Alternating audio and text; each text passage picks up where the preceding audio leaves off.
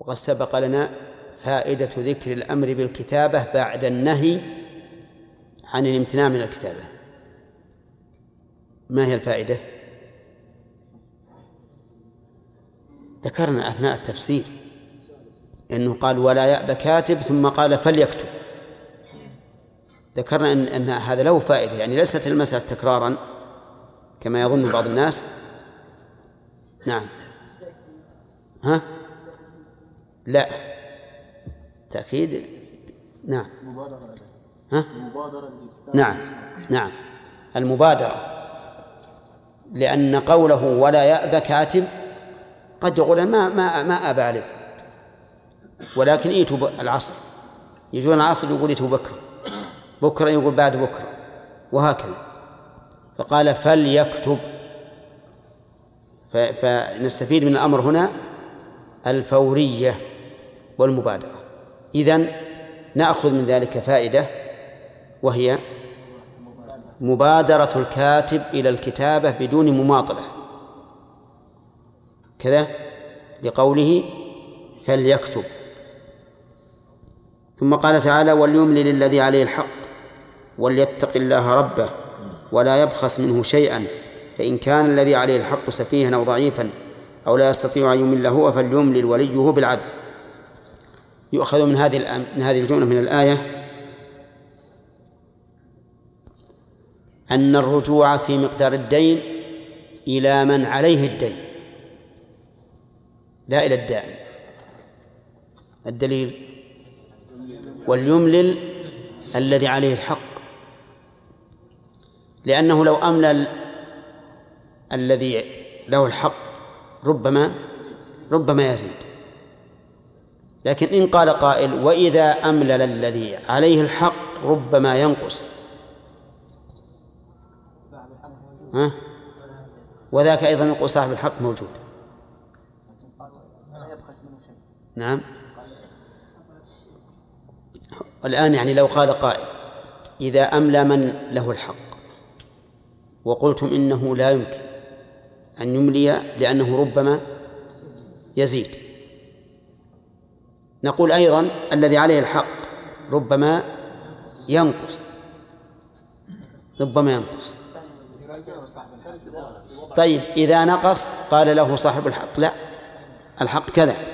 وذاك أيضا إذا زاد قال الذي عليه الحق لا هذه زيادة. نعم. نعم. نعم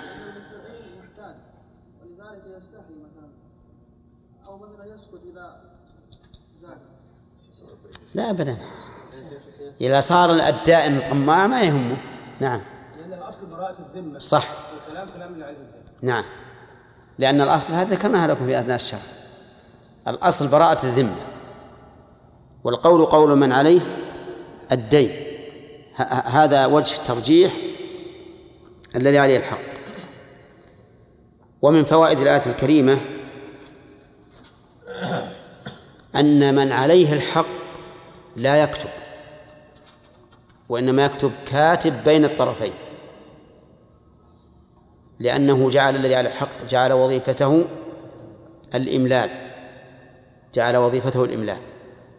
ولكن لو كتب صحت كتابته إلا أنه لا يؤخذ من هذه الآية يؤخذ من أدلة أخرى. مثل قوله تعالى يا أيها الذين آمنوا كونوا قوامين بالقسط شهداء لله ولو على أنفسكم. وكتابة الإنسان على نفسه إقرار. وإقرار الإنسان على نفسه مقبول. نعم. ثم قال ومن فوائد الآية الكريمة وجوب تقوى الله عز وجل على من عليه الحق. وأن يتحرى العدل لقوله وليتق الله ربه. ومن فوائدها أيضا أنه ينبغي في مقام التحذير أن يذكر كل ما أن يذكر كل ما يكون به التحديد لأنه هنا قال الله فيذكر الإنسان مقام الألوهية. ربه يذكر مقام الربوبية. ففي مقام الألوهية يتخذ يتخذ تقوى عبادة. لأن الألوهية هي توحيد العبادة. وفي مقام الخوف من الانتقام يكون مشهده الربوبية. لقوله ربه لأن الرب عز وجل مالك خالق متصرف. ومن فوائد الآية الكريمة أنه يحرم على من عليه الدين أن يبخس منه شيئا لا كمية ولا نوعا ولا صفة. لا كمية ولا نوعا ولا صفة. الكمية بأن يقول عشرة بدل خمسة عشر. النوع بأن يقول مثلا لا بأن يقول مثلا في التمر. يقول شجر بدل سكرين مثلا هذا النوع. الصفة بأن يقول ردي بدل جيد. كل هذا يؤخذ من قوله ولا يبخس منه شيئا. طيب. ومن فوائد الآية الكريمة أن الولي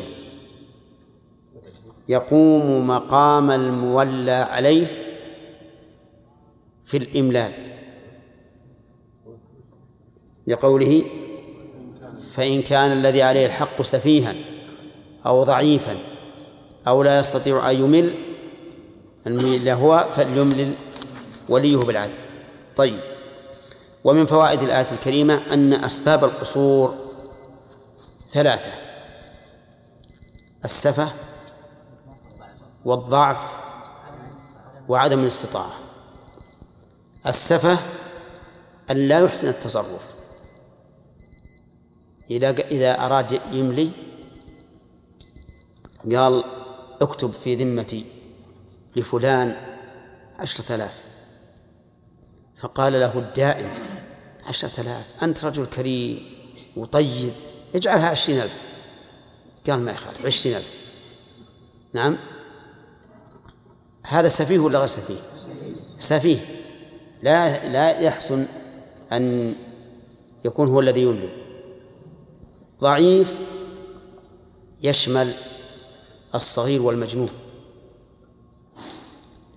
ما يست... الضعيف والصغير والمجنون ما يمكن يملل. طيب لا يستطيع أن يمل لإعياء أو خرس أو ما أشبه ذلك. فهذه الأسباب هي التي يكون يقوم الولي في هذه الأحوال مقام المولى عليه. طيب. أظنه سبق لنا من هو الولي. ها؟ طيب. إذن ما حاجة لذكر من فوائد الآية الكريمة قبول قول الولي فيما يقر به على مولاه. من أين يؤخذ؟ لقوله فليملل وليه. وهذا يدل على أنه يقبل قوله على مولاه. لا في البيع ولا في الشراء ولا في التأجيل ولا في الرهن ولا في في الدين ولا غيره. الولي مقبول قوله على مولاه. ومن فوائد الآية الكريمة وجوب مراعاة العدل على الولي لقوله بالعدل. فلا يبخس من له الحق ولا يبخس من عليه الحق ممن هو من من هو مولى عليه. دخل وقت السؤال.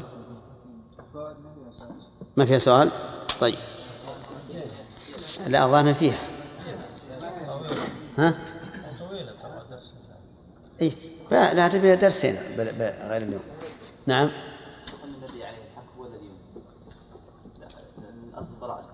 اي طيب يا شيخ بالنسبة للذي له الحق كذلك نقول في براءه لا لأن لأن لأن الذي عليه الذي له الحق مدعي. وذاك مدعى عليه. هذا يدعي ثبوت يدعي الثبوت وهذا يدعي النفي. والأصل البراءة نعم. بد من حضور يعني الرجلين الذين الحق والذي الحق في المجلس إي نعم. ولا نعم نعم. كيف يؤخذ هذا؟ حضور كل من الدائم والمدين. لقوله بينكم ولا ت- ت- تحقق بينه إلا بوجودهما إي نعم. تضاف هذه إلى ما سبق. نعم. يعني عدم جواز اشتراط مثلا اخذ جعل أو شيء من المال لو اشترط يجوز له؟ وش تقولون في هذا السؤال؟ يعني الكاتب لو قال أنا ما أكتب إلا بجعل. ما هو التفصيل كان الكاتب ليس له طريق من الرزق الا الكتابه فان كان قدر نفسه الكتابات الشرعيه فان هنا قد يجعل له جعل أو أو يشترط مثل القاضي اما اذا كان له من الدولة أو أو كان رجل يشتغل ليس له اي سبب يعني إذا كان له رزق من بيت المال فلا يجوز طلب الأجرة. كذا؟ طيب. وإلا؟ وإلا فله الطلب. نعم. طيب. لكن إذا قال أنا لا, لا أريد عوضا عن أجرة عن عملي لكن عن القلم والدوات والأوراق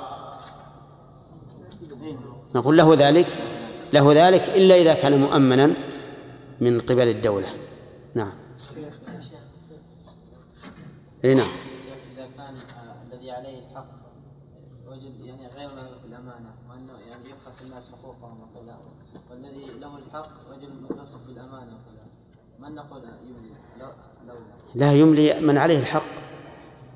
وفي هذه الحال لو جحد صاحب الحق بطالب واصبر إذا أملى مثلا بعشرين والواجب عليه ثلا- ثلاثون قال قف الواجب ثلاثون. نعم. أحمد؟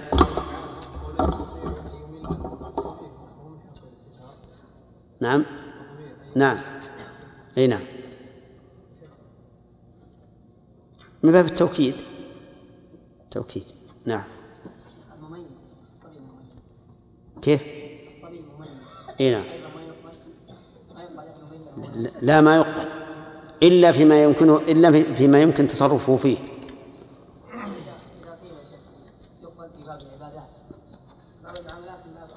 لا العبادات بينه وبين الله عز وجل المعاملات بينه وبين الناس والصغير قد يخدع. اي نعم. نعم نعم بالنسبة لإقرار الولي على على المولى يقبل مطلقا في كل نعم في كل ولايته. نعم. إي نعم. الدين نعم. سببه قبل وفاة الرجل مثلا مثلا إنسان عليه دين. إي نعم. مثلا إنسان عليه حق. فتوفي. بعد ذلك أقام القاضي شخص ولي عليه. ف- على إيش؟ على مال الم- المتوفى؟ طيب. فلما سأله القاضي عن هذا قال نعم وقد يكون لا يعلم السبب. نعم يقبل؟ إذا كان هذا السبب موجودا قبل أن أن يكون وليا على هؤلاء ما ما له حق يتصرف فيه. لأنه قبل ولايته. أي نعم. لأن هذا قبل ولايته. ثبوت الحق على الميت قبل أن يتولى هذا وقبل أن يكون الحق لل- لل- للقصار أيضا. نعم.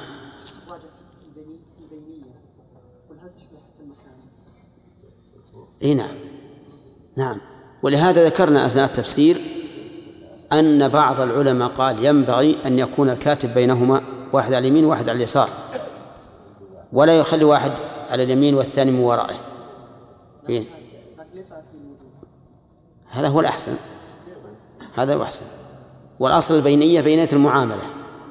الأصل بينة المع- المعاملة بينية المعاملة لكن لا بأس أن نقول انه أيضا بينية المكان. لأن ذلك أقرب إلى سماع الجميع على حد سواء ولئلا ينكسر خاطر الآخر الذي أبعد نعم ها؟ لا بأس ما في مال نعم لم يكن كاتب إلا لم يقرأ كتابته؟ وش الفائدة من هذا؟ يعني ممكن عند ال- يعني عند عند استرجاع يعني يكتب هذا نفس الكاتب. فيقرأ الكتاب؟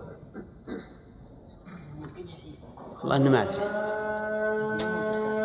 إيه ممكن يموت لكن ها؟ يكتب والله الظاهر إنه اللي ما اللي ما يعرف ما ما يلزم لكن كأنه يعني يمكن بالتأمل أو أحد يعرف لأن بعض الخطوط إذا مارسها الإنسان عرفها وغيره لا يعرفها. ربما على كل حال هو خير من عدمه. الحين؟ 48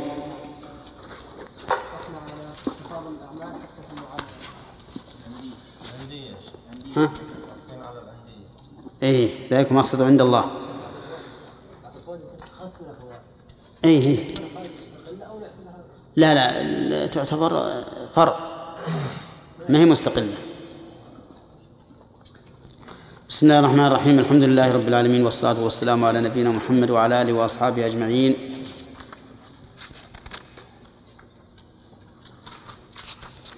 قال الله تبارك وتعالى استشهدوا شهيدين من رجالكم أخذناها أظن وبينا ما تتضمنه من شروط الشاهدين نعم وأظننا استثنينا من اشتراط الإيمان. أولى شهادة الكافر عند الضرورة. ما ما ذكرناها؟ طيب ما قوله ذلك مقصد عند الله؟ تفاضل الأعمال حتى في المعاملات. أولى. ها؟ طيب. ويستفاد من الآية الكريمة من من الآية الكريمة أن الشهادات تتفاوت فمنها القيم ومنها الأقوم ومنها ما ليس بقيم.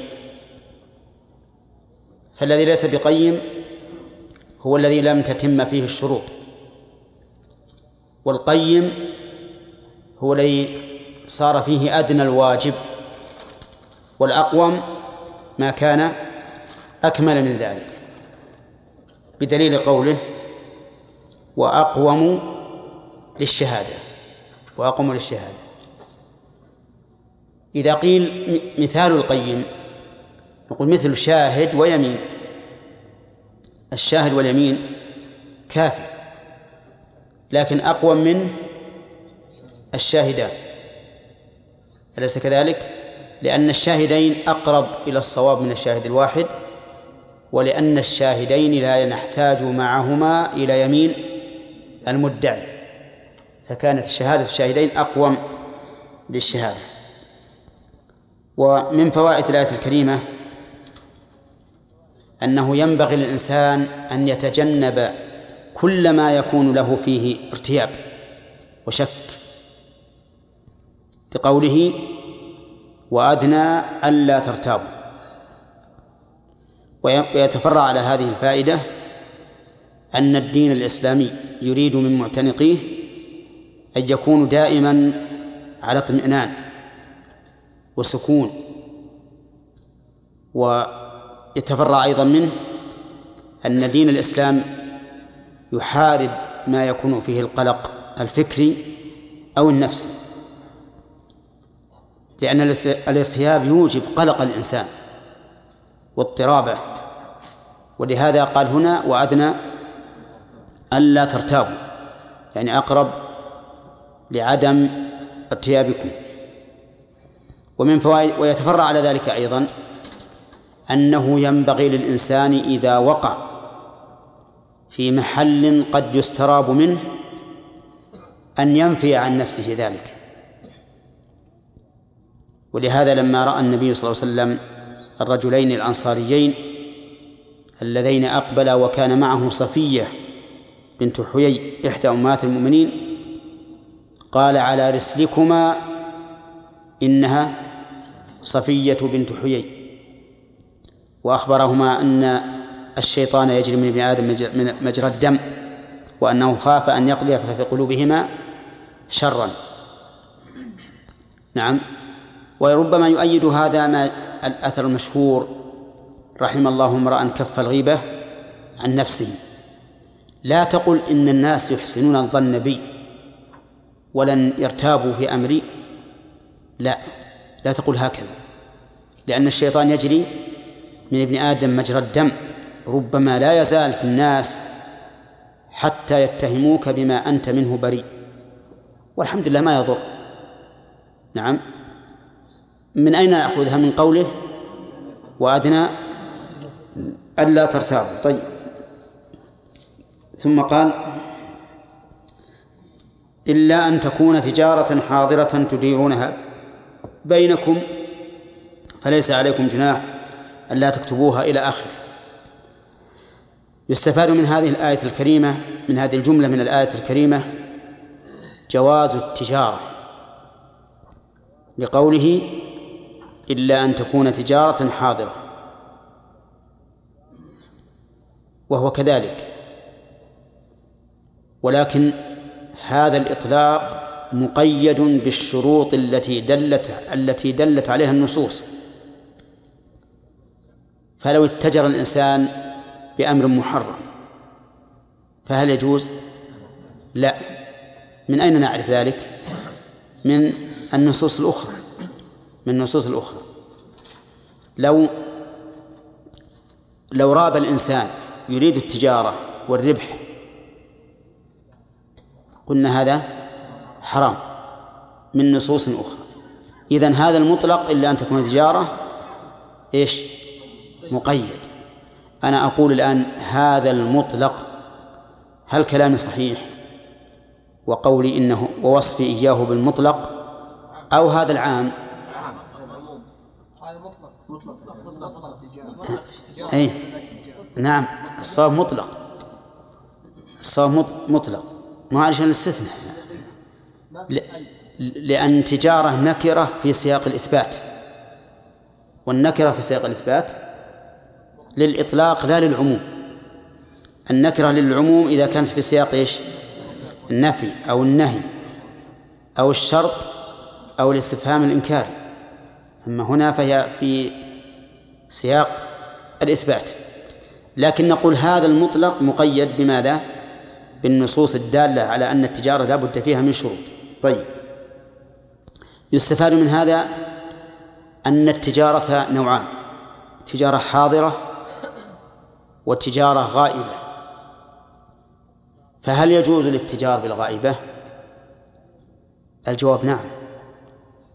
لأن الأصل في قوله حاضرة الأصل فيه أن يكون قيدا.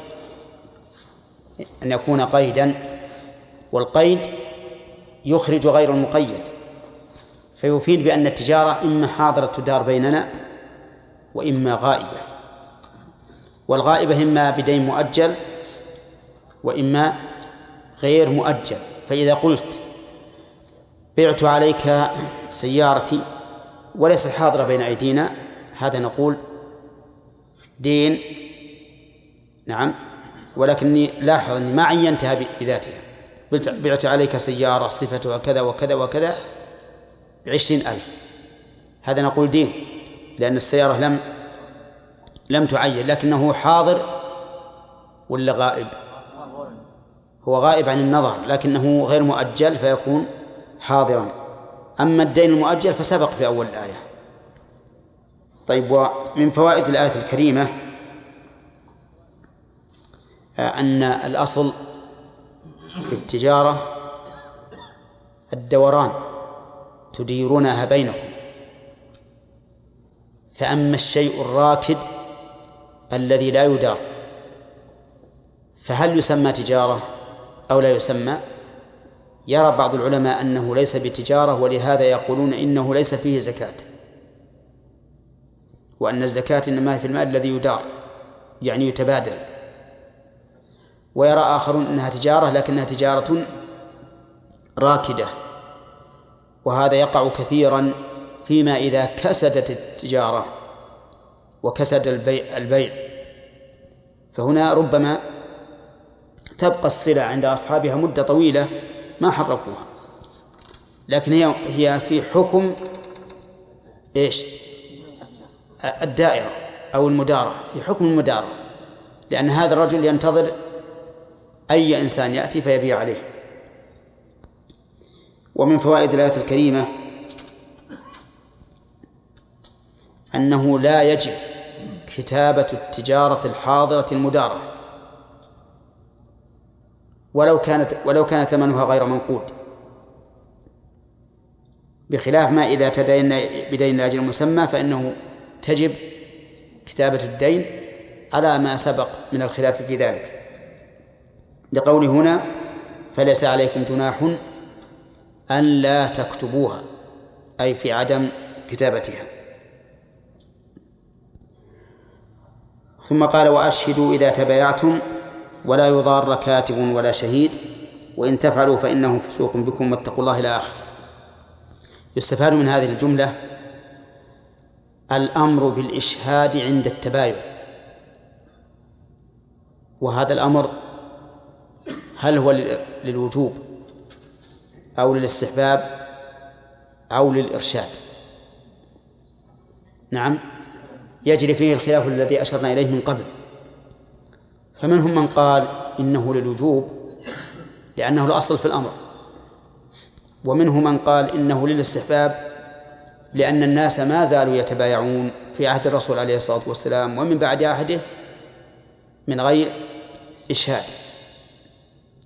ولو كان هذا واجبا ما ترك. في هذه الأعصار الكثيرة كل الناس يشترون الأشياء الزهيدة والأشياء الثمينة ولا يرون واجبا عليهم أن يشهدوا. ومنهم من قال للإرشاد بناء على قاعدة أصلها وهي أن وهي أن الأوامر التي لا يقصد بها التعبد تكون للإرشاد. والمعاملات التي والمعاملات التي بين الناس كلها لا يقصد بها التعبد. كلها لا يقصد بها التعبد لأنها ليست لله بل هي معاملة فيما بين الإنسان وبين غيره فلا فلا يكون شيء منها واجبا. اللهم إلا أن يتعلق بولاية مثل أن يكون الإنسان وليا على غيره ويبيع له شيئا ثمينا. يعد ترك الإشهاد فيه تفريطا فحينئذ نقول يجب من حيث إيش؟ من حيث الائتمان وتعلق حق الغير به قالوا ويؤيد ذلك أن هذا الذي حصل فيه التبايع لو أن الرجل أعطاه إياه بدون شيء يجوز ولا لا؟ ها؟ سألكم يا جماعة ولا أنتم غايبين؟ لو أعطاه إياه بدون شيء بدل ما أن يبيع لك سيارتي وأروح أجيب الشهود قلت خذ السيارة هبة مجانا. يجوز ولا لا؟ يجوز ما حد يقول غير جائز.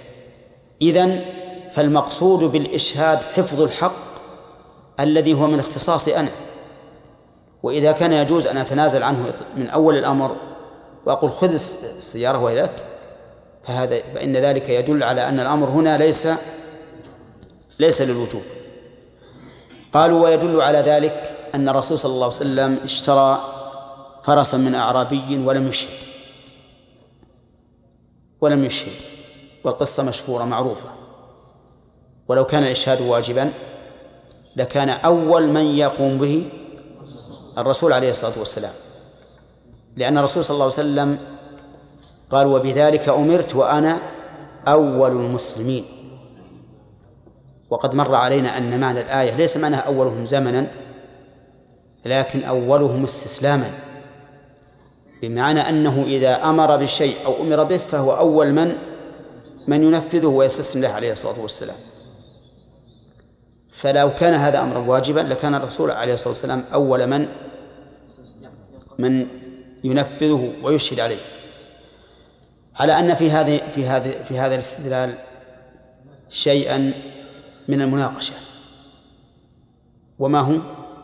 هو أن الرسول عليه الصلاة والسلام لا يساويه غيره في أن في أن دعواه مقبولة بكل حال. وغيره؟ غير مقبولة. يعني الرسول عليه الصلاة والسلام إذا ادعى دعوة فقوله مقبول بلا يمين ولا شهود.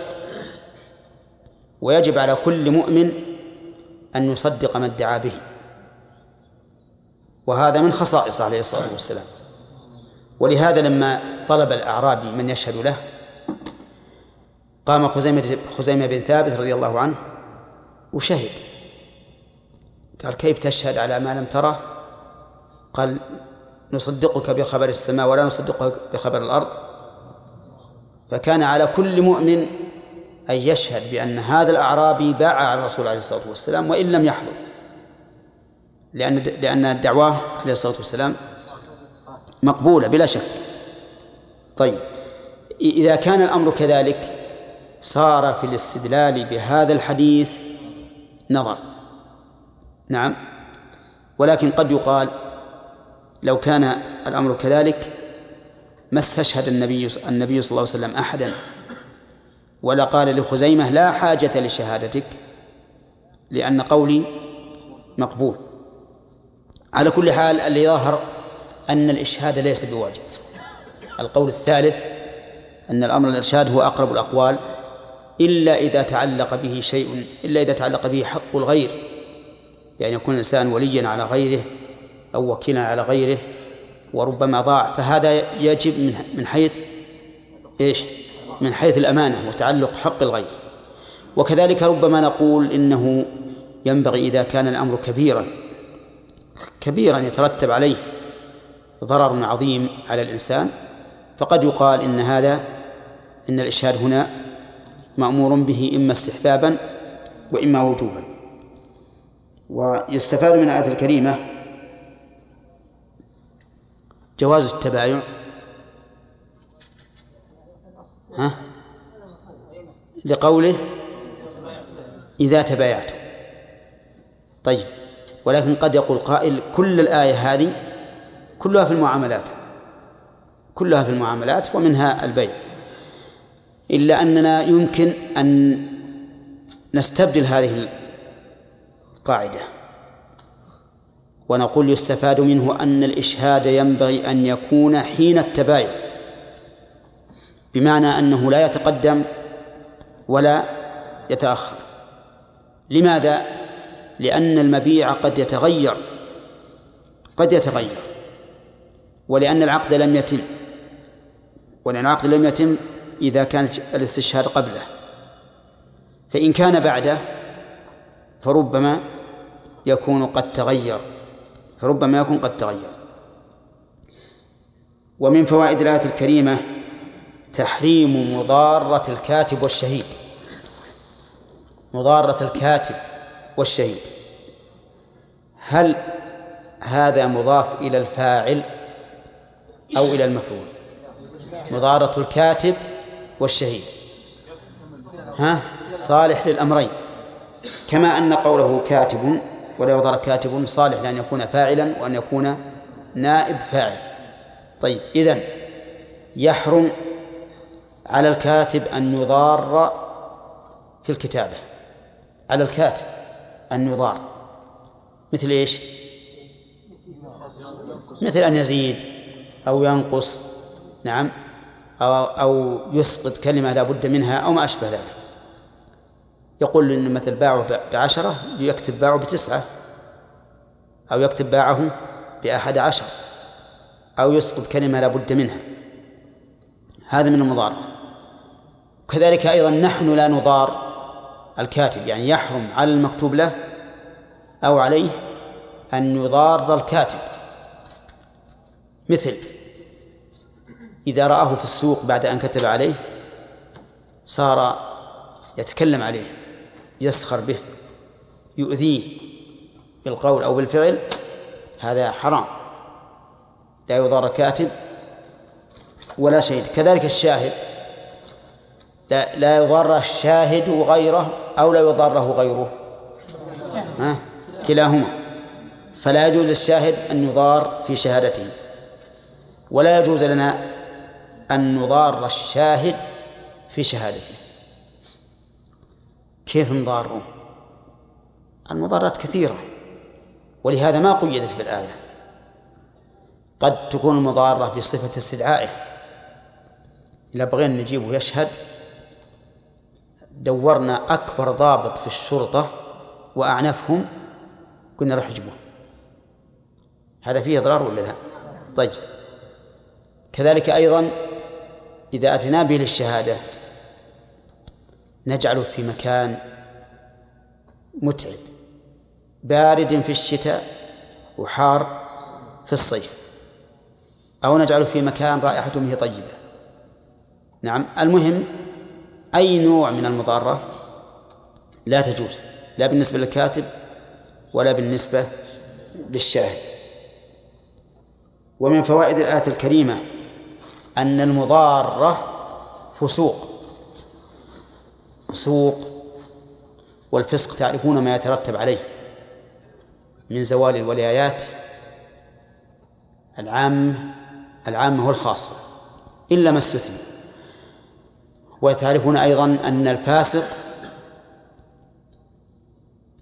يهجر. إما جوازا أو استحبابا أو وجوبا على حسب الحال. فمن ضار فيستفاد من من هذه أن المضارة سواء وقعت من الكاتب أو الشاهد أو عليهما تكون فسقا. فإن قال قائل أفلا يشكل هذا على القاعدة المعروفة؟ أن الفسق لا يتصف به الفاعل إلا إذا تكرر منه أو كان كبيرا. فما الجواب؟ نقول هذه تكون كبيرة لأن ترتب حكم الكبيرة عليها وإن لم يصرح بأنها كبيرة تكون كبيرة. ولأننا إذا أخذنا بالقاعدة العامة التي ذكرها شيخ الإسلام وهي يا محمد عبد الكريم عبد الكريم. ما هي القاعدة العامة التي ذكرها شيخ الإسلام في تعريف الكبيرة؟ أي نعم. إيش؟ ما توعد على صاحبها بإيش؟ في الآخرة بس. نعم زيد. صح. ما رتب عليه عقوبة خاصة. فهذا كبيرة سواء في الدنيا أو في الآخرة. طيب إذن نأخذ من الآية الكريمة أن مضارة الكاتب والشهيد الواقعة منهما أو عليهما إيش؟ كبيرة من الكبائر. الدليل ترتيب الفسق أو ترتب الفسق على ذلك وهو لا يترتب إلا على فعل كبيرة. طيب يستفاد من ذلك أيضا أن مجرد الفسق لا يخرج من الإيمان. كيف؟ لأن هؤلاء الذين ضاروا لا يخرجون من الإيمان عند أهل السنة والجماعة. فمجرد الفسق لا يخرج من الإيمان ولكن الفسق المطلق يخرج من الإيمان. الفسق المطلق يخرج من الإيمان. يعني الخروج عن الطاعة خروجا مطلقا عاما يخرج من الإيمان ويوجب الخلود في النار. كما قال الله تعالى أفمن كان مؤمنا كمن كان فاسقا. لا يستوون.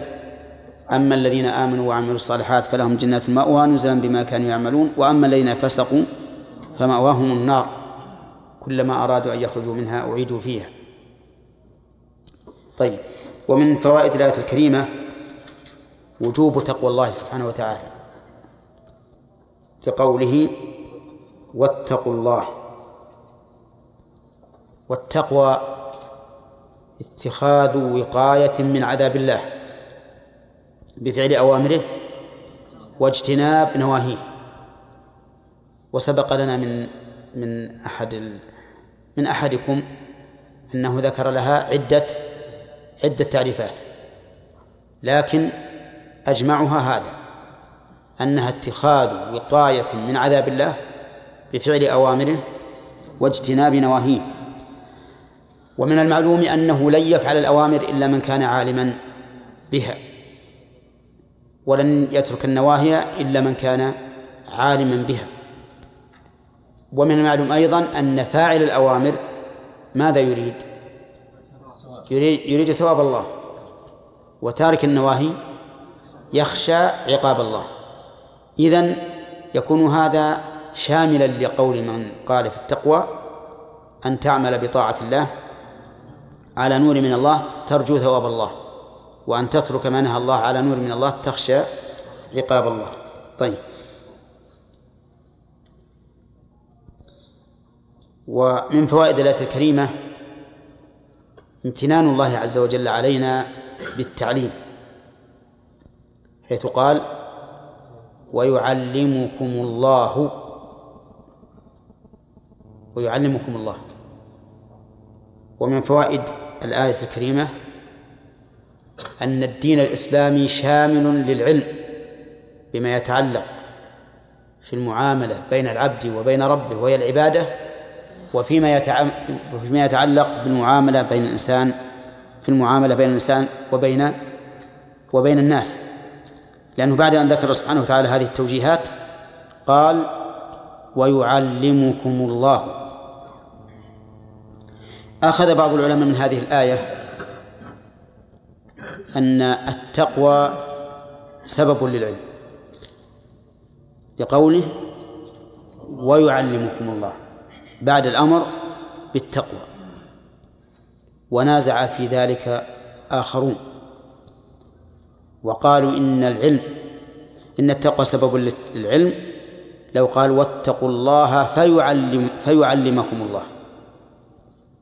لو قال واتقوا الله فيعلمكم صارت الفاء للسببية وصارت التقوى سبب للعلم. أما لو قال أما لما قال واتقوا الله ويعلمكم فالواو هنا للاستئناف. لأن يعلم خبر واتقوا إنشاء أمر. نعم والخبر لا يعطف على الإنشاء. على خلاف في هذا بين النحويين أيضا. فمنهم من قال إنه يصح أن يعطف الخبر على الإنشاء كما في قوله تعالى قال يا قوم أرهطي أعز عليكم من الله واتخذتموه وراءكم ظهريا فأرهطي أعز جملة إنشائية واتخذتموه جملة خبرية. على كل حال بعض الناس دافع بشدة أو دفع بشدة القول الأول أن التقوى سبب للعلم. وقال إن هذا فتح بابا سيئا. هذا الاستنباط. كيف؟ قال لأن الصوفية قالوا نعم تعلقوا به فقالوا إننا لتقوانا صار يأتينا إلهام من الله. نعم بكذا وكذا.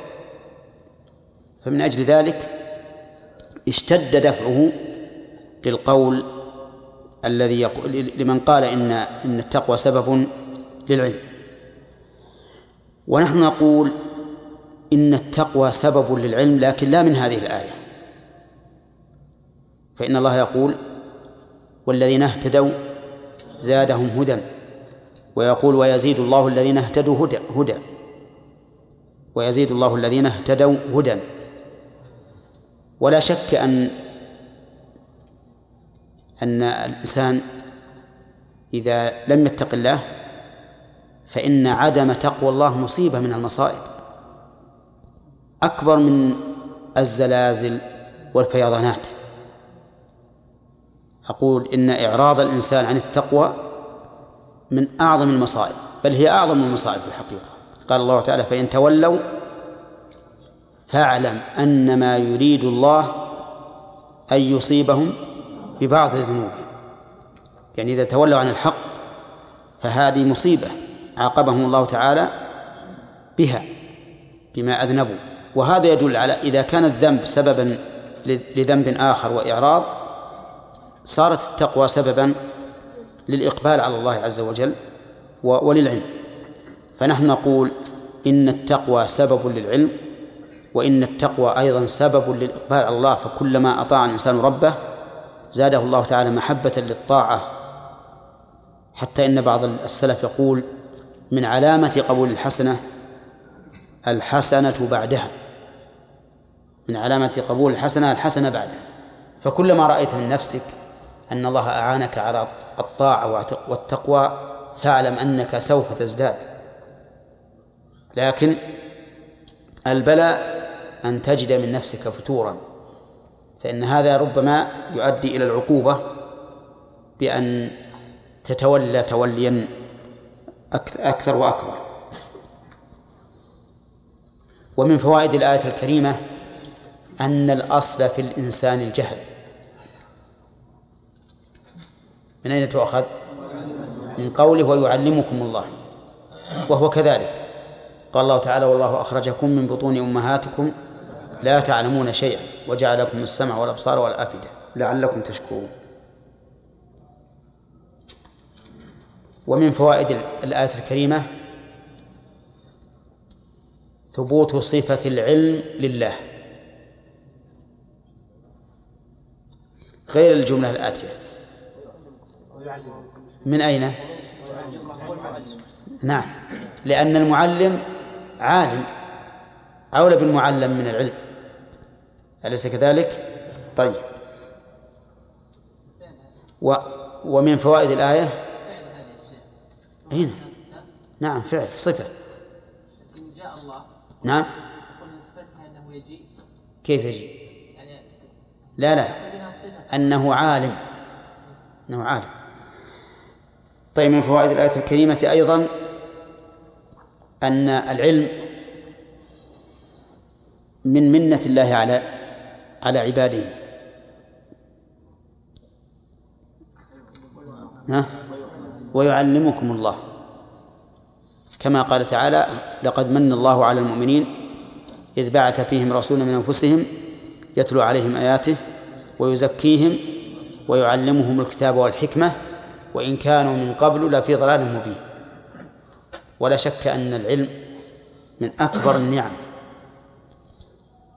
أيما أكبر نعمة المال أو نعمة العلم؟ ها؟ العلم. لا ما هو جزمة. ها؟ عجيب. نعم. إيه هو هذا اللي قال الأخوان. ها؟ طيب. الحديث الصحيح الذي قال فيه النبي صلى الله عليه وسلم ثلاث أقسم عليهن ما نقص مال من صدقة وما زاد الله عبد بعفو إلا رفعة إلا عزة. بعفو إلا عزة نعم. وما فتح عبد على نفسه باب مسألة إلا فتح الله عليه باب الفقر وأحدثكم حديثا فاحفظوه هذه الدنيا لأربعة. رجل أتاه الله علما ومالا فهو يحكم علمه في ماله وكما قال صلى الله عليه وسلم ورجل لم يؤته الله فهو بيع المنازل. ورجل أتاه الله علما ولم يأته مالا فهو يقول يا ليتني مال فلان فأعمل بعمله فهما في. فهما في الأجر سواء.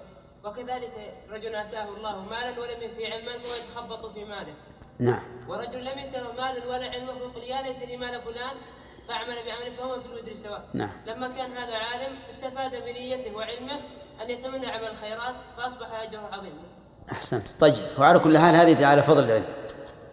لكن هل قال الله يرفع الله الذين أوتوا المال درجات؟ بل قال الذين آمنوا منكم والذين أوتوا العلم درجات. ها؟ كيف؟ أي نعم وميراث الأنبياء.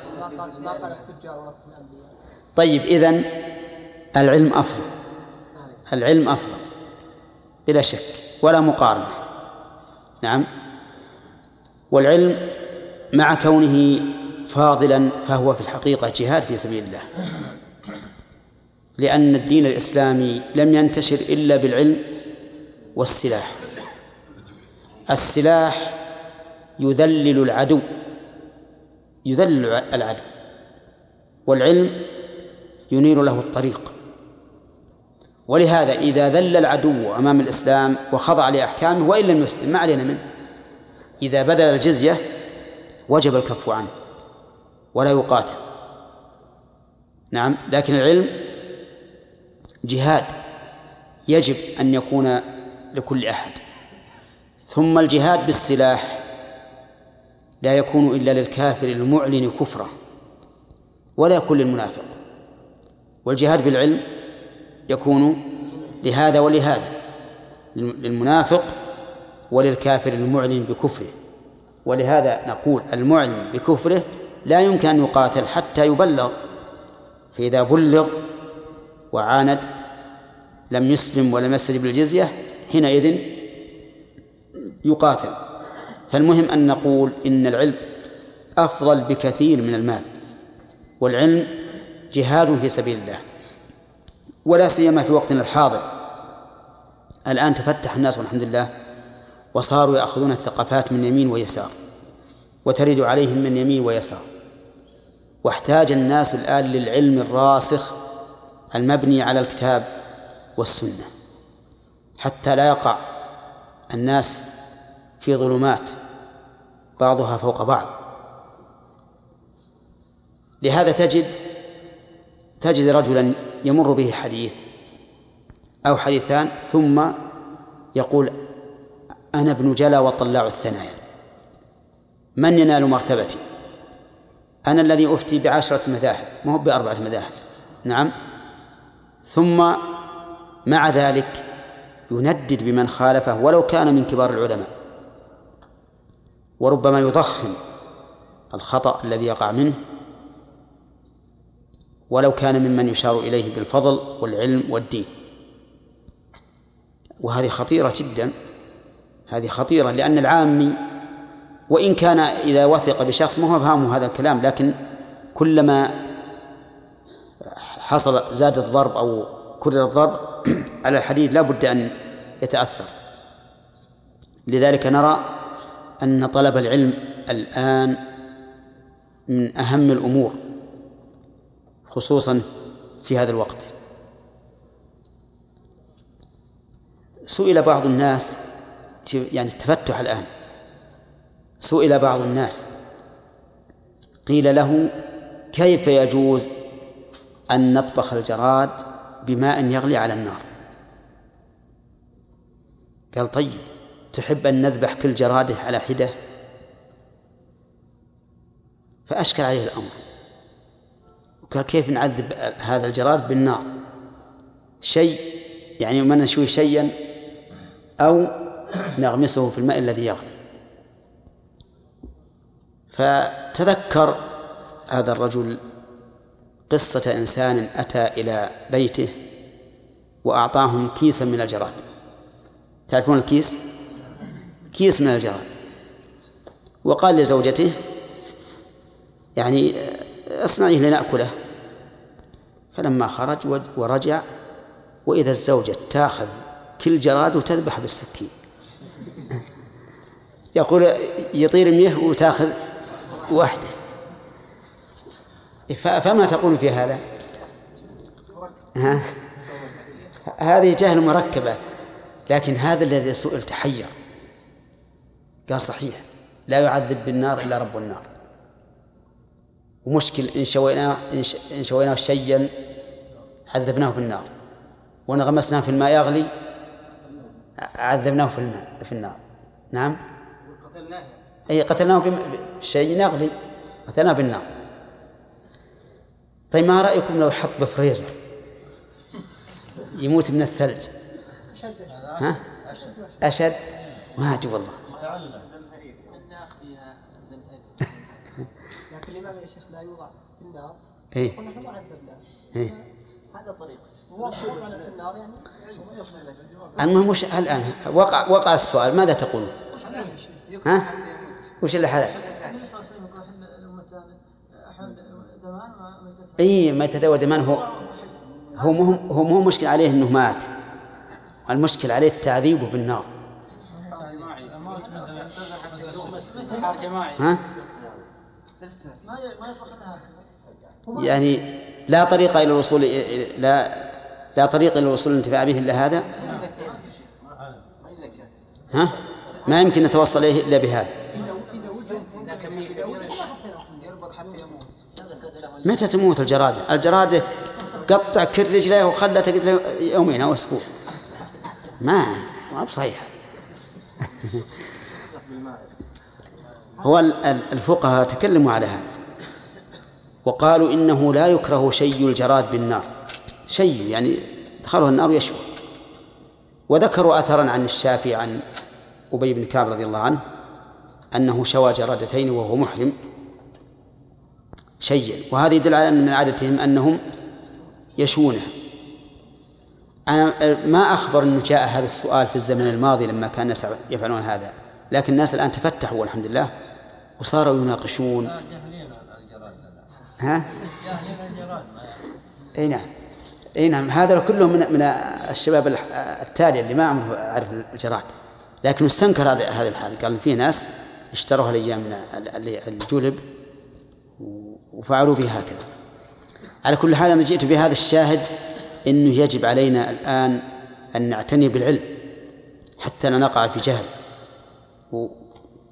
في أدنى الأمور.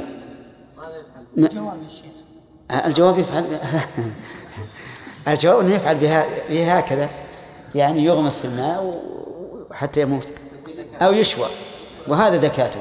نعم هذا ذكاته. ومن فوائد الآية الكريمة آخر آخر جملة فيها والله بكل شيء عليم إثبات هذا الاسم من أسماء الله وهو عليم وإثبات ما دل عليه من الصفة وهي العلم وإثبات عموم علم الله لقوله وهو بكل شيء وفيه أيضا الرد على القدرية سواء الغلاة منهم أو غير الغلاة. القدرية ماذا يقولون؟ يقولون إن الله لا يعلم شيئا من أفعال الإنسان حتى يقع نعم. وهؤلاء غلاتهم. لكن يقول شيخ الإسلام في العقيدة الوسطية إن هؤلاء قليل. هذا في عهده. ما ندري عدد زادوا أو أم نقصوا. لكن في رد حتى على غير الغالية. وهم الذين يقولون إن الله يعلم لكنه لم يرد أفعال الإنسان. وأن الإنسان مستقل بإرادته وفعله. وجه ذلك ما قاله الشافعي رحمه الله. قال ناظروهم بالعلم فإن أقروا به خصموا وإن أنكروه كفروا. وعلى هذا فنقول في هذه الآية الكريمة دليل على أن أفعال العباد مرادة لله عز وجل. لأنها إن لم تكن مرادة فهي إما أن تقع على وفق علمه أو على خلافه. فإن كان على خلافه فهو إنكار للعلم وإن كان على وفقه فلا بد أن يكون مرادا له لأنه أراده أن يقع على حسب علمه. نعم. حديث جابر في بيعه ناقة الناقة للرسول صلى الله عليه وسلم الجمل نعم. لا يدل على عدم الاشتراط في المبايعة؟ ذلك أنه جابر هو البائع للرسول صلى الله عليه وسلم ولا أشهد أحد. بينما في الحالة تلك الرسول صلى الله عليه وسلم نعم. الرسول مشتري بهم, بهم كلهن. في قصة أي الرسول مشتري للفرس نعم. قلنا ان إن الأثر الذي ورد عن الشافعي أنه يعني سواء جردتين فهو محرم. وهو محرم نعم. هذه فيها خلاف. فبعض العلماء يرى أنه بحري.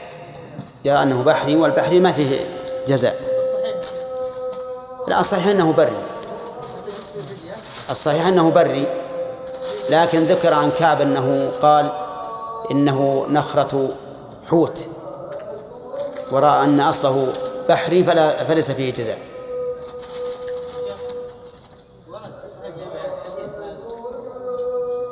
نجيب نجيب المؤذن المؤذن. الله أكبر الله أكبر الله أكبر. من اللي يقرأ. أنت اللي تقرأ؟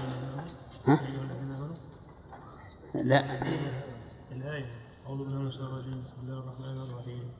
اصبر. أنتم حافظ حفظ هو عندها تسميع اليوم؟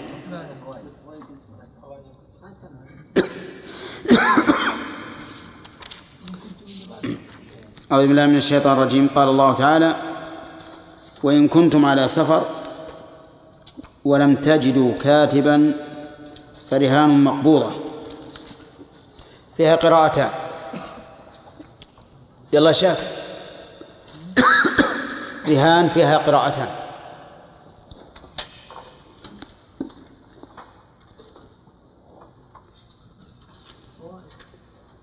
مناقشة قبل الفوائد.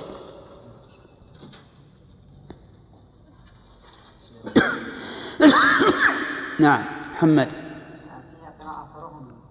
فرهن ورهان هل بينهما فرق من من حيث الصيغة؟ نعم رهن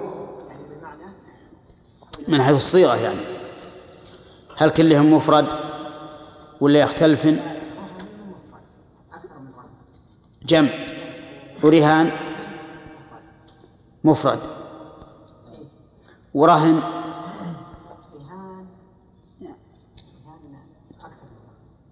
إذن هي جمع. يعني هما في الصيغة سواء. كلها جمع رهن قوله فإن آمن بعضكم بعضا فليؤدي الذي اؤتمن أمانته إيش معنى اؤتمن؟ ياسر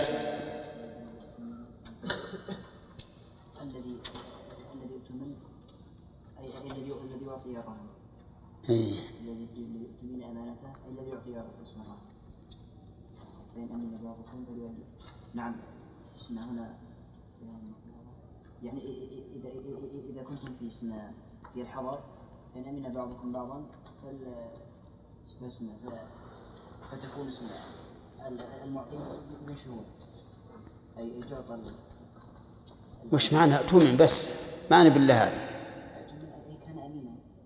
أي جعل أمينا؟ جعل أمينا صح. طيب. قوله فإنه آثم قلبه.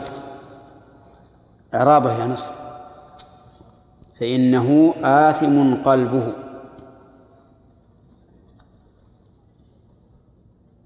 إحنا ما شرحنا هذه إيه. ما حضرت أو نسيت إيه. نعم إيش؟ إيه؟ لا زيد نقول الفاء على حسب ما قبلها أو عاطفة لا ما هي ما هي على حسب ما قبله ولا عاطفة هي على حسب ما قبله لكن مفهومة نعم واقع في جواب الشرط. نعم. نعم آه، إن حرف توكيد آه، ينصب ال- ال- الاسم ويرفع الخبر والها ضمير متصل مبني على الضم في محل نصب آه، اسم إن. نعم. وآثم خبر مرفوع. وقلبه فاعل. قلبه نعم. وهو مضاف الضمير مضاف. صح. سدى فيها وجه آخر؟ فيها وجه آخر. نعم. لا. أي؟ قلبه مبتدا آثم مبتدا قلبه خبر والجملة خبر فإنه آثم قلبه. يعني إن واسمها إنه اسمه وآثم خبرها لا لا وآثم قلبه الجملة خبر وهي مبتدا خبر طيب وين المبتدأ فيها؟ وين المبتدأ فيها؟ آثم هو المبتدأ. قلبه لا المبتدأ وآثم خبره يعني فإنه قلبه آثم. طيب. يقول الله عز وجل وإن كنتم على سفر ولم تجدوا كاتبا فرهان مقبوضة إلى آخره. يستفاد من هذه الآية الكريمة أن للسفر أحوالا تخالف حال الحضر. وهو كذلك. له أحوال تخالف حال الحضر في العبادات والمعاملات وغيرها. ففي العبادات يختلف في الصلاة والصيام والطهارة. في المعاملات مر علينا الوصية في السفر إذا لم يجد الإنسان من يشهده من المسلمين فإنه يشهد كفارا إما أهل الكتاب أو عموم الكفار على القول الراجح. كذا؟ طيب.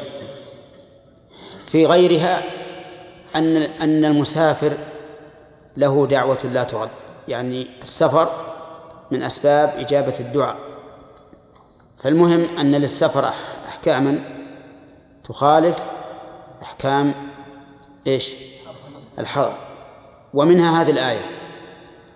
فيستفاد منها أن الإنسان إذا كان مسافرا وداين شخصا ولم يجد كاتبا فإن الطريق لإثبات حقه أن. أن يرهن أو أن يرتهن ويقبض الرهن. أن يرتهن ويقبض الرهن. مثال ذلك أقرضت شخصا وأنت وإياه في السفر وليس عندكما كاتب. وليس عندكما كاتب. فقلت أعطني رهنا أرتهنه للتوثق بحقي فأعطاك. واضح؟ طيب.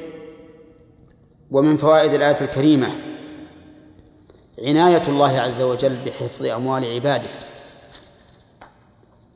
يعني أنه سبحانه وتعالى ذكر حتى هذه الصورة أن الإنسان إذا داين غيره ولم يجد كاتبا فإنه يرتهن حفظا لماله وخوفا من النزاع والشقاق في المستقبل. فينكر من عليه الحق وتحصل الخصومة والنزاع. ومن فوائد الآية الكريمة جواز الرهن. جواز الرهن لقوله فرهان ولكن ذلك مشروط حسب ما في الآية بالسفر سواء كان قصيرا أو قليلا أو طويلا وبأن لا نجد كاتبا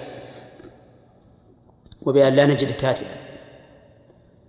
فهل هذا الشرط معتبر؟ الجواب دلت السنة على عدم اعتباره. لا عدم الكاتب ولا السفر. فقد اشترى النبي صلى الله عليه وسلم ثلاثين صاعا من الشعير لأهله ورهن درعه عند يهودي حتى مات. وهذا يدل على جواز الرهن في الحضر حتى مع وجود إيش؟ الكاتب. إذا قال قائل إذا كان الأمر هكذا فما الجواب عن الآية؟ الجواب عن الآية أن الله تعالى ذكر صورة إذا تعذر فيها الكاتب فلدينا ما يثبت به الحق أو ما يتوثق به الحق وهو إذا وهو الرهن. فذكر هذه الصورة لا على أنها شرط للحكم. يعني كأنه قال إذا تدينتم بدين إلى أجل مسمى فاكتبوه وإن كنتم في السفر وليس عندكم كاتب فإيش؟ فارتهنوا فرهان مقبوضة طيب.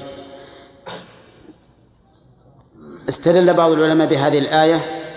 نعم إحنا قلنا جواز الرهن وأظن سبق لنا تعريف الرهن. ها؟ سبق في هذه الآية. طيب. استدل بعض العلماء في هذه الآية على أنه على أن من شرط صحة الرهن القبض.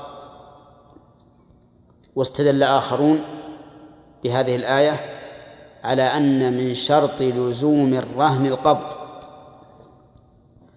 ولم يعتبر آخرون هذا الشرط.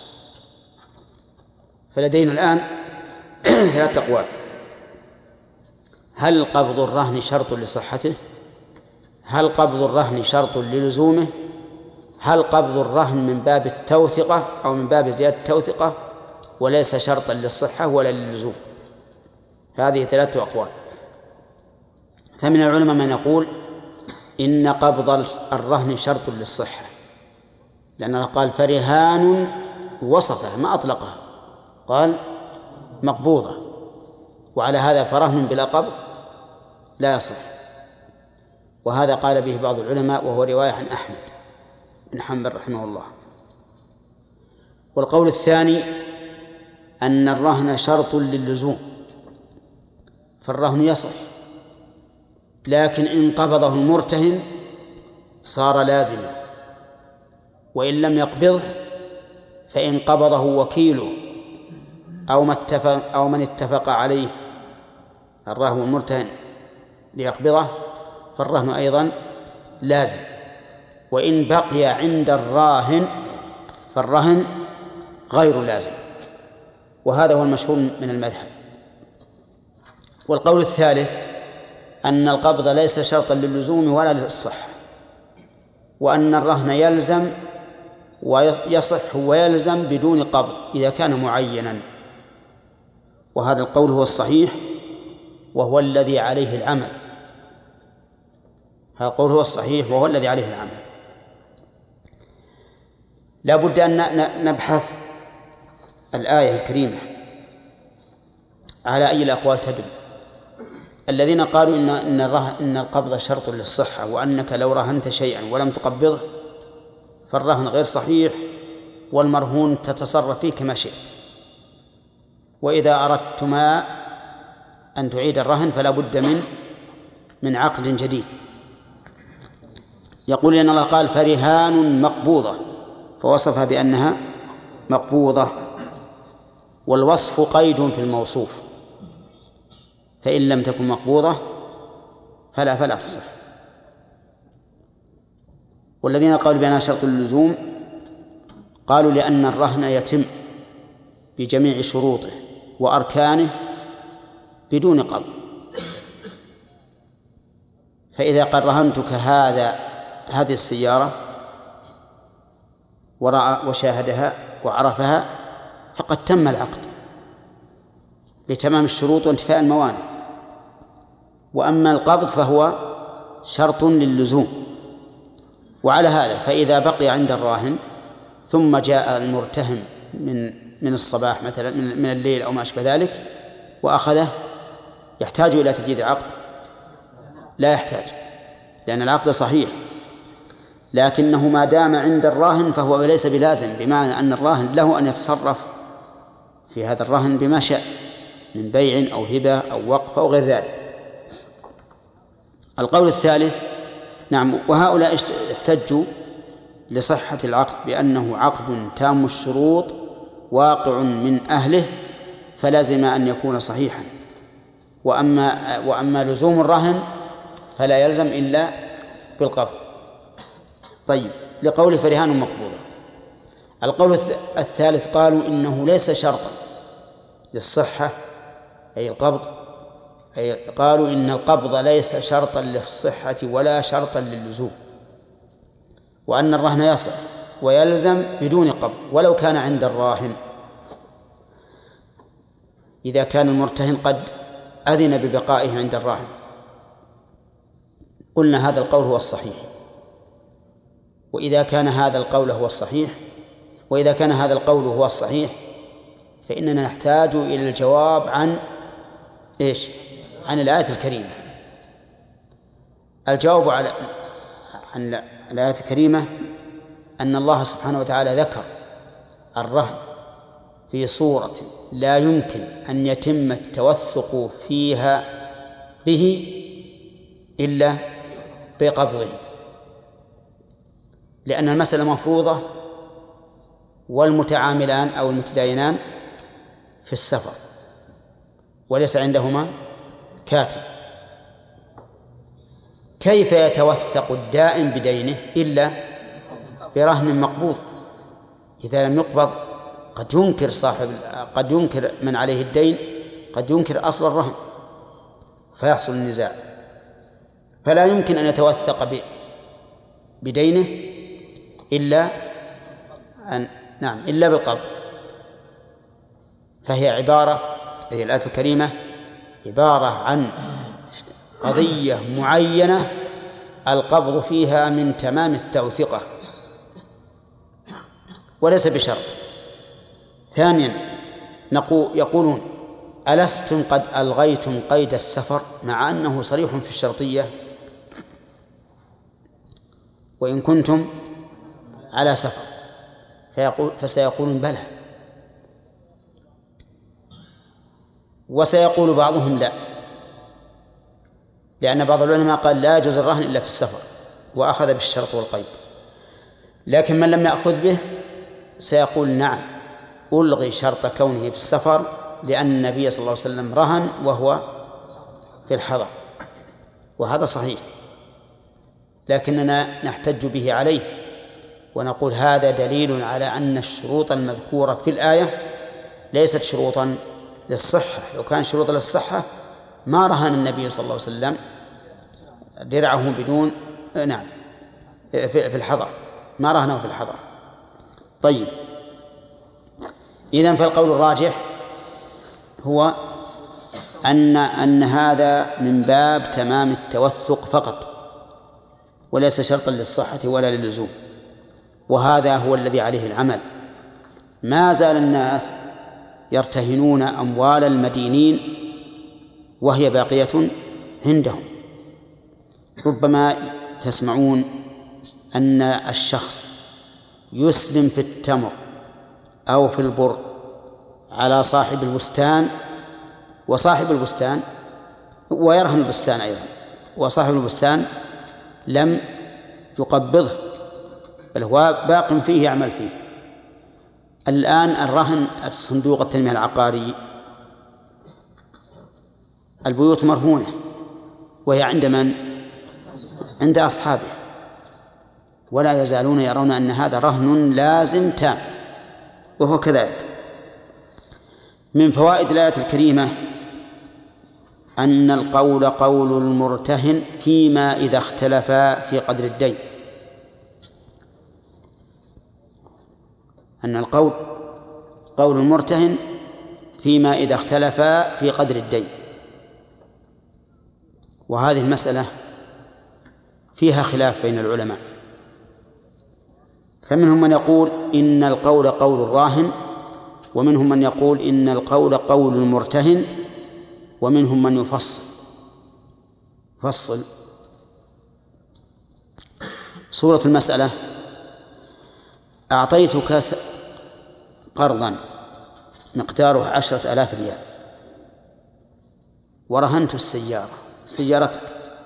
وأخذتها أحرزتها عندي قبضتها لأني خشيت إن بغيت في يدك أن تتلفها. فأبقيتها عندي. ثم عند طلب الوفاء زعم الراهن صاحب السيارة أن القرض خمسة آلاف ريال فقط. وأنا قلت إنه عشرة. من القول قوله؟ ها؟ فيه خلاف أو فيه تفصيل. قال بعض العلماء إن القول قول الراهن. وهذا هو المذهب. القول قول الراهن. من الراهن؟ المدين. المدين صاحب السيارة. لماذا؟ قالوا لأنه غارم. والقاعدة أن الغارم هو المقبول قوله. وهذه القاعدة مأخوذة من قول الرسول صلى الله عليه وسلم البينة على المدعي واليمين على من أنكر. لأن الغارم مدعى عليه. فنحن مثلا في المثال الذي ذكرنا. اتفقنا على خمسة آلاف. أولى. يا أخي على خمسة. اتفقنا على خمسة. أنا أقول عشرة والخمسة داخلة في العشرة وأنت تقر بها. إذا اتفقنا على على خمسة آلاف. أولى. طيب. الخمسة الزائدة على الخمسة أنا مدعيها وأنت غارمها تنفيها وأنت غارمها. فالقول قول الراهن لأنه غارم بناء على الحديث البينة على المدعي واليمين على من أنكر. كذا ولا لا؟ طيب. القول الثاني أن القول قول المرتهن وعللوا ذلك بأن الله تعالى جعل الرهن بدلا عن الكتابة. ولم تجدوا كاتبا فرهان. فرهان مقبولة. وإذا اختلف الدائن والمدين في قدر الدين نرجع إلى إيش؟ إلى الكتابة إلى الكتابة.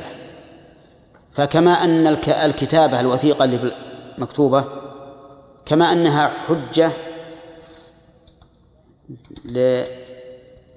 للدائن فكذلك الرهن حجة له. فيكون له بمنزلة الوثيقة. وهذا ظاهر كلام شيخنا عبد الرحمن في التفسير. ولكن القول الثالث التفصيل في المسألة وهو الصحيح التفصيل يقول إن القول قول المرتهن ما لم يدعي أكثر من قيمة الرهن ما لم يدعي أكثر من قيمة الرهن فهمتم؟ فف... ها؟ القول قول المدعي قول المرتهن ما لم يدعي أكثر من قيمة الرهن. فمثلا هذه السيارة تساوي عشرة وأنا أقول أنا أيها المرتهن إنها إن الدين عشرة. يقبل قولي أن تقول خمسة وأنا أقول عشرة يقبل قولي لأن معي قرينة. وهي أن الغالب أن الإنسان لا يرهن شيئا إلا إذا كان مقدار دينه أو أكثر. كذا أو أقل أو أقل. هذا بالنسبة للراهن. ما يعطي إلا مقدار دينه أو أقل ما يعطي أكثر من دينه. هذا الغالب. فإذا ادعى أن مقداره كذا وكذا وهو لا يزيد على ثمن إيش؟ الرهن. فالقول قول المرتهن. وإن زاد فما زاد فالقول فيه قول الراهن. وهذا اختيار شيخ الإسلام ابن تيمية رحمه الله ومذهب الإمام مالك. وهو أقرب من القولين السابقين. أقرب. فإذا طبقنا هذه المسألة على القول بأن القول قول الراهن. هذا الرجل رهن سيارة بعشرة آلاف ريال. ولما جئنا للتقاضي قال صاحب السيارة الراهن إن دينك الذي تطلبنيه عشرة ريالات. عشرة ريالات. من القول قوله؟ لا عن مذهب القول قول الراهن. القول قول الراهن. هل جرى جرى العرف بأن شخصا يرهن سيارة تساوي عشرة آلاف ريال بعشرة ريال؟ أبدا. هذا شيء يكذبه الواقع. ولهذا نقول إن شيخ الإسلام رحمه قول شيخ الإسلام كما تشهد له القرينة يشهد له الواقع أيضا. لو قبلنا قول الراهن مطلقا لأدى بنا أن نقول ما لا يصدقه أحد. طيب. ولو ادعى المرتهن أيضا ما لا ما لا يصدق الواقع ما هو أكثر ما نقبل. لو أنه مثلا آه، أعطاه سيارة قيمتها عشرة آلاف ريال. وعند الاستيفاء قال إن الدين مليون ريال. مليون ريال. ها؟ يقبل؟ ليش؟ لأنه ما جرت العادة أن شخصا يعطي مليونا من الدراهم ويرهن سيارة بعشرة آلاف ريال. هذا بعيد.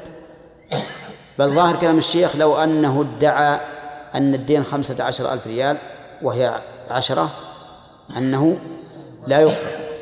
لأنه ادعى ما قيمته ما هو أكثر من قيمة المرهون آه، الرهن. فلا يقبل.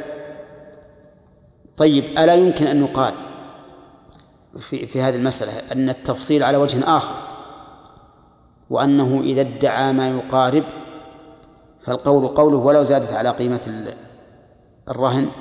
يعني مثلا لو قال قيمة إنه اثنا عشر ألفا والرهن يساوي عشرة. ها يمكن؟ يمكن. لأن هذا أحيانا يقع. يقول أنا أرهن السيارة بعشرة ولا يضيع حقي كله. أي نعم.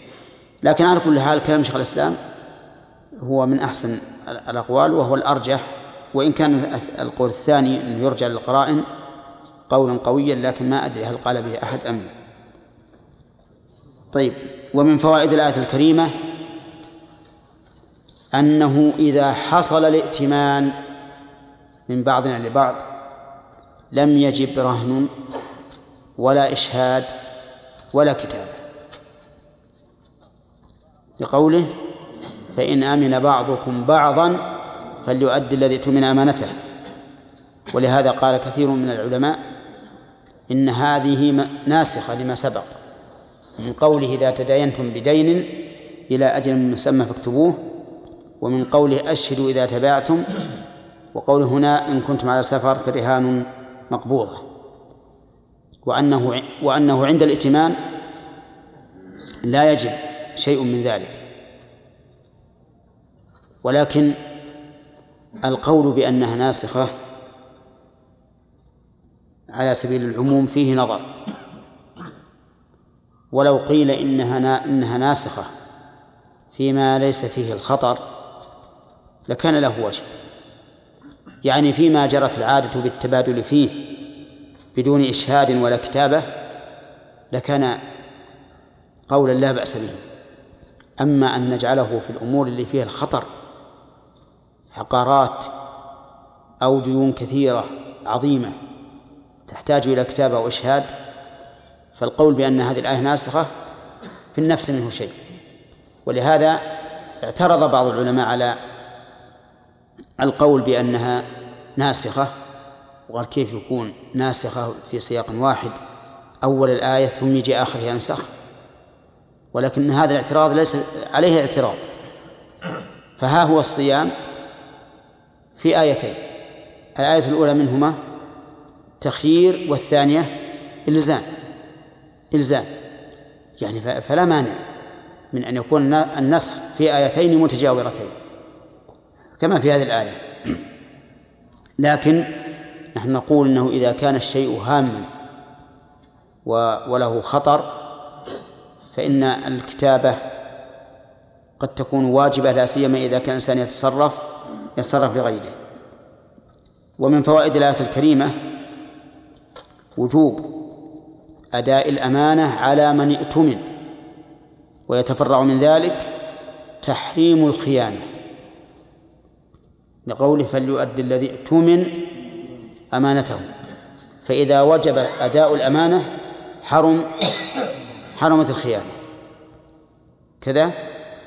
ومن فوائد الآية الكريمة أنه لو تلفت العين بيد الأمين فإنه لا ضمان عليه ما لم يتعد أو يفرد لقوله فليؤدي الذي ائتمن أمانته فسماها الله أمانة. والأمين يده غير متعدية. فلا يضمن إلا إذا حصل تعد أو تفريط. ومن التعدي أو من التعدي إذا أعطي الإنسان أمانة للحفظ تصرف فيها. كما يفعل بعض الناس يعطى أمانة للحفظ ثم يتصرف فيها ببيع أو شراء أو غير ذلك ويقول إذا جاء صاحبها فأنا مستعد أن أعطيه. يقول هذا حرام ما يجوز. لا يجوز لك أن تفعل هذا. إذا أردت أن تفعل فاستأذن من من صاحبها. وإذا أذن لك صارت عندك قرضا. ومن فوائد الآية الكريمة أنه يجب على هذا الذي اؤتمن أن لا يغتر بثقة الناس به. لقوله وليتق الله ربه فإن الإنسان إذا اؤتمن ربما يغتر بثقة الناس به ولا يهتم بالأمور. فيقول الناس واثقون بي ولا يهتم. فأمره الله تعالى بأن يتقي الله. قال وليتق الله والتقوى سبقت لنا مرارا بأنها اتخاذ وقاية من عذاب الله بفعل أوامره وترك نواهيه. قال وليتق الله وأردفها بقوله ربه ففيه فائدة وهي أن الإنسان في هذه المقامات ينظر إلى مقام الربوبية كما ينظر إلى مقام الألوهية فبنظره إلى مقام الألوهية يفعل هذا تعبدا لله تعالى وتقربا له. وبالنظر إلى مقام الربوبية يحذر المخالفة لأن الرب هو الذي له الخلق والملك والتدبير. فلا بد أن يقرن الإنسان بين مقام الألوهية ومقام الربوبية. ومن فوائد الآية الكريمة إثبات ما دل عليه هذا الاسمان وهما الله والرب وهو توحيد الألوهية وتوحيد الربوبية. ويتضمنان توحيد الأسماء والصفات لأن المعبود لا بد أن يكون أهلا للعبادة والرب والرب لا بد أن يكون أهلا للربوبية. ولا يتحقق ذلك إلا بكمال الصفات. ولهذا نقول توحيد الربوبية يستلزم توحيد الألوهية. والتوحيدان يتضمنان توحيد الأسماء والصفات. إذ لا يعبد إلا من كان متصفا بصفات الكمال. ولهذا قال إبراهيم لأبيه يا أبت لم تعبد؟ ما لا يسمع ولا يبصر ولا يغني عنك شيئا. ثم قال عز وجل ولا تكتموا الشهادة ومن يكتمها فإنه آثم قلبه. يستفاد من الآية الكريمة تحريم كتمان الشهادة يعني إخفاءها. وهل المراد الشهادة على الغير أو على الغير والنفس؟ تشمل المعنيين. لأن الإنسان يشهد على نفسه كما في قوله تعالى يا أيها الذين آمنوا كونوا قوامين بالقسط شهداء لله ولو على أنفسكم. وشهادته على نفسه إقراره واعترافه بالحق الذي عليه. فالآية فيما يظهر شاملة للأمرين. شهادة الإنسان لغيره على غيره ولغيره على على نفسه. ومن فوائد الآية الكريمة أن كتم الشهادة من الكبائر. لوجود العقوبة الخاصة بها وهي قوله فإنه آثم قلبه. ومن فوائدها عظم كتم الشهادة لأنه أضاف الإثم فيها إلى القلب. وإذا أثم القلب أثمت الجوارح. لقول النبي صلى الله عليه وسلم ألا وإن في الجسد مضغة إذا صلح صلح الجسد كله. ولقوله التقوى ها هنا. التقوى في القلب ليست التقوى في اللسان ولا في الأفعال ولا في الأحوال. التقوى في القلب. قد يكون الإنسان متقيا بفعله متقيا بقوله غير متق بقلبه.